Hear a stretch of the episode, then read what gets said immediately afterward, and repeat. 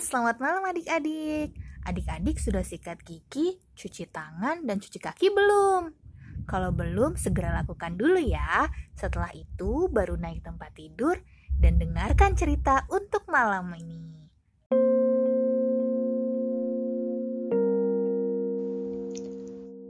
Baik, kita akan mulai saja untuk cerita malam ini. Judulnya adalah Pangeran Amat Muda. Kisah ini merupakan kisah rakyat yang berasal dari Aceh, daerah paling ujung di Indonesia. Baik, kita mulai saja ya. Alkisah terdapat sebuah negeri bernama Negeri Alas yang dipimpin oleh seorang raja dan ratu. Raja dan ratu sudah menikah cukup lama, namun mereka belum juga dikaruniai seorang anak. Akhir-akhir ini raja sering ditemukan melamun dan cemas, memikirkan nasib kerajaan alas jika mereka tidak memiliki putra mahkota. Ratu berusaha menghibur raja, mengatakan bahwa usaha yang mereka lakukan sudah cukup keras. Sebaiknya mereka bersabar dan terus berdoa kepada Yang Maha Kuasa. Sampai di suatu pagi, sang ratu tak enak badan dan tubuhnya terasa amat lemas. Raja pun panik. Tabib kerajaan dipanggil untuk memeriksa ratu. Selesai memeriksa ratu, sang tabib menghampiri raja dan memberinya selamat karena ternyata ratu sedang mengandung. Raja dan ratu amat senang mendengar perkataan tabib itu. Mereka tak henti-henti mengucap syukur kepada Tuhan. Kabar kehamilan Ratu Negeri Alas tersebut pun cepat tersebar dengan luas. Seluruh rakyat bersuka cita atas berita tersebut. Ratu kemudian melahirkan bayi laki-laki yang sempurna, tampan, berkulit putih, dan berambut tebal setelah sembilan bulan mengandung. Raja menggelar pesta besar-besaran untuk menyambut kelahiran putranya. Selain seluruh rakyatnya, semua hewan pun turut diundang. Dalam pesta tersebut, raja mengumumkan bahwa putranya diberi nama Amat Muda. Pangeran Amat Muda tumbuh menjadi laki-laki yang lucu dan pintar. Namun saat usianya belum genap 10 tahun, sang ayah mulai sakit-sakitan dan akhirnya meninggal dunia. Seluruh rakyat negeri Alas pun berduka. Lalu muncul persoalan, siapa yang akan memerintah kerajaan? Pangeran amat muda ini masih sangat kecil. Karena itu, Ratu memutuskan untuk menyerahkan tahta kerajaan sementara kepada adik raja, yaitu adalah pamannya amat muda. Sang paman pun setuju. Rencananya, ia akan memerintah sampai pangeran amat muda cukup umur. Namun, lama-kelamaan sang paman lupa diri. Ia ingin menjadi raja untuk selama-lamanya. Ia lalu mencari cara untuk menyingkirkan pangeran amat muda. Mula-mula, kamar ratu dan pangeran dipindahkan ke area belakang kerajaan. Lalu sang paman juga mengabaikan kesejahteraan sang ratu. Sang ratu yang baik hati ini tidak berprasangka buruk dan menerima semua perlakuan tersebut. Hingga suatu hari, sang paman mengumpulkan para prajuritnya dan mengeluarkan perintah Ajaklah ratu dan pangeran berburu ke hutan. Kemudian tinggalkan mereka di sana. Para prajurit bingung. Bukankah pangeran amat muda adalah putra anak mahkota negeri Alas? Tanya mereka. Tutup mulut kalian. Akulah raja negeri Alas. Laksanakan perintahku atau kalian akan kuhukum. Jawab sang paman. Akhirnya ratu dan pangeran amat muda dibuang ke hutan. Pangeran amat muda adalah anak yang pintar dan tidak manja. Meskipun hidup di rumah sederhana di dalam hutan, ia tidak pernah mengeluh. Ia sering membantu ibunya untuk mencari makan ataupun buah-buahan ke dalam hutan. Suatu hari, pangeran amat muda mencari buah-buahan. Ia menemukan sungai yang penuh dengan ikan. Dengan ranting pohon yang sudah diasahnya dengan tajam, ia menangkap ikan-ikan tersebut. Dalam sekejap, ia berhasil menangkap beberapa ekor ikan. Sesampainya di rumah, Ratu menyambut hasil tangkapan putranya tersebut dengan gembira. Saat membersihkan perut ikan, Ratu merasa ada benda keras di dalam perut ikan tersebut. Ratu mengira ini adalah telur ikan.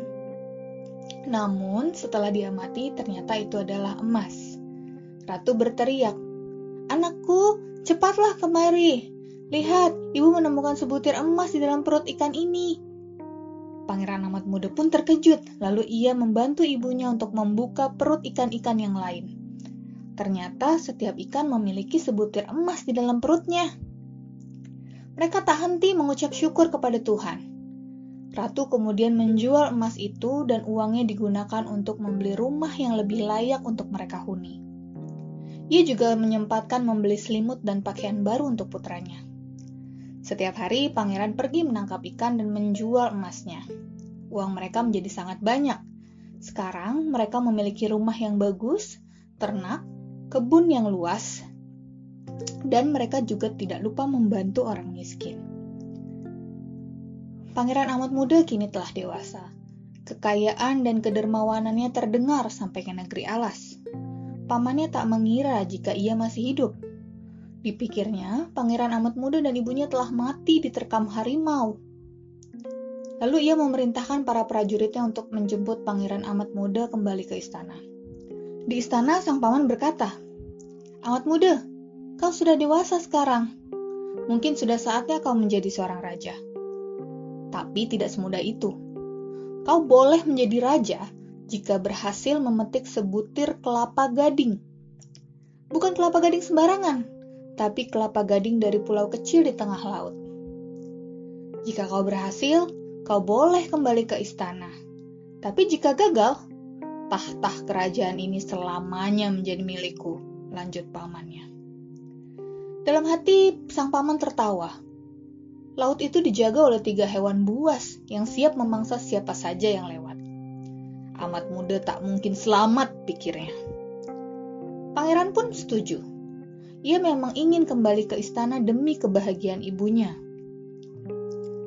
Lalu pangeran amat muda mendayung. Air laut bergejolak. Perahu yang ditumpanginya nyaris terbalik. Ia amat ketakutan. Lalu muncullah seekor ikan besar, didampingi seekor buaya dan seekor naga. Hai anak muda, berani-beraninya kau melewati wilayah kami tanpa izin. Siapa kau dan hendak ke mana kau? Tanya ikan itu.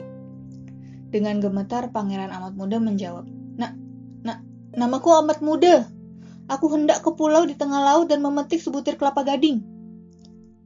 Amat muda? Apakah kau putra Raja Negeri Alas? Tanya buaya dan naga bersamaan. Be be benar, dari mana kalian tahu? Tanya pangeran amat muda. Mereka tertawa dan berkata, Ayahmu adalah sahabat kami. Kami dulu diundang ke pesta kelahiranmu. Tak kusangka kau sekarang sudah menjadi pemuda yang gagah.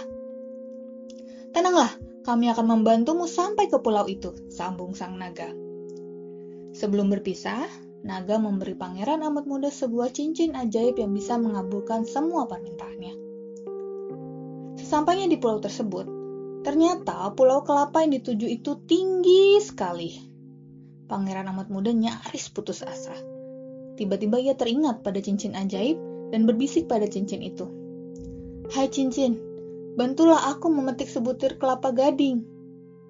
Lalu, tiba-tiba, ajaib. Dengan mudah, ia berhasil memanjat dan memetik sebutir kelapa gading. Ia mengucap syukur lalu mendayun perahunya pulang. Paman, ini kelapa gading yang paman minta. Sekarang saatnya paman menepati janji. Sang paman heran, bagaimana mungkin amat muda bisa kembali dengan selamat? Lalu ia sadar, pangeran amat muda memang ditakdirkan untuk menjadi raja. Tuhan selalu melindungi anak itu dari segala niat jahat. Amat muda, kau memang layak menjadi raja. Mulai sekarang, kau adalah raja negeri alas yang sah. Sejak itu, negeri alas dipimpin oleh Raja Amat Muda. Ia memimpin dengan bijak, persis seperti ayahnya.